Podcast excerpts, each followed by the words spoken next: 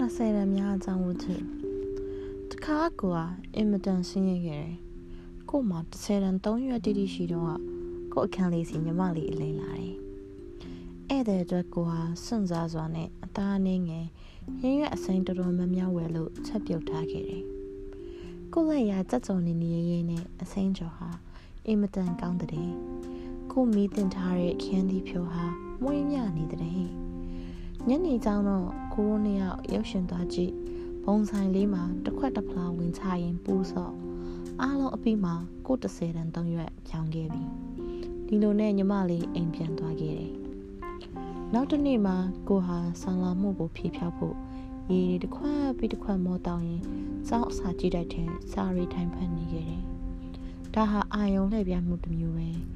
ကိုဟာအဲ့ဒီနီးကိုဒုက္ခမျိုးတော်ဝေးထွက်တဲ့က လန်ချားဆွဲတဲ့ဟာစရီပါရဲ့ဆရာဘီယာနေသားလန်ချာဝါလာစီကအတူယူနေတာညနေဆောင်ကိုအခန်းလေးစီပြန်အရောက်မှာစာလောင်မှုကတကြော့ပြန်တိုက်ခိုက်လာပြန်တော့စာကြည့်စပွဲအန်ဆွဲကိုတုံတုံရီရီနဲ့ဖွင့်ကြည့်ပြီးအကျွေလေးပါကလေးတွေ့မလားအရှာမှာဘီမာကြီးဟာကိုကိုပြုံးပြုံးလေးကြည့်လို့အိုး20တန်တရွက်မဟုတ်လားကိုညီမလေးစီဖုန်းခေါ်ခဲ့တယ်စာလောင်မွတ်သိမ့်နေချိန်မှာ အမတ်တမဲ့ပြစ်ချထားခဲ့တဲ့နော်ဆန်တရက်ကိုရှာတွေ့တာဟာ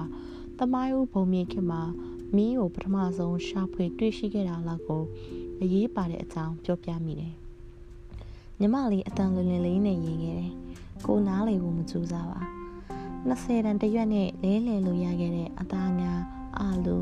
ပါမုတ်ဖြော်ရည်တွေကိုအတင်းမြူချနေမိတယ်။နောက်တနေ့မနက်အိယာကနိုးတော့ခေါင်းရင်းကဖလက်စ်က Oscar Wilde ရဲ့ The Picture of Dorian Gray စာအုပ်ကိုအမှတ်တမဲ့ယူဖတ်ဖို့ကြိုးအစားစာရွက်ကြားတဲ့ကစာဘယင်မကြီးကကိုယ့်ကိုပြုံးပြနေပြန်တယ်။ထောင်လိုက်နှက်ထားတဲ့20တန်းတရွက်ကိုတလောက်ငွေမပေါ်မှန်ကို့ဘာသာတည်တယ်။ဘီစင်မာရေခက်ရေနွေးနွေးနဲ့မျက်နှာတည်ရင်တပုတ်တန်ခွက်စီလက်အလန်းနောက်ထပ်20တန်းအလိတ်ကလေးတစ်ခုကိုတွေ့ပြန်တယ်။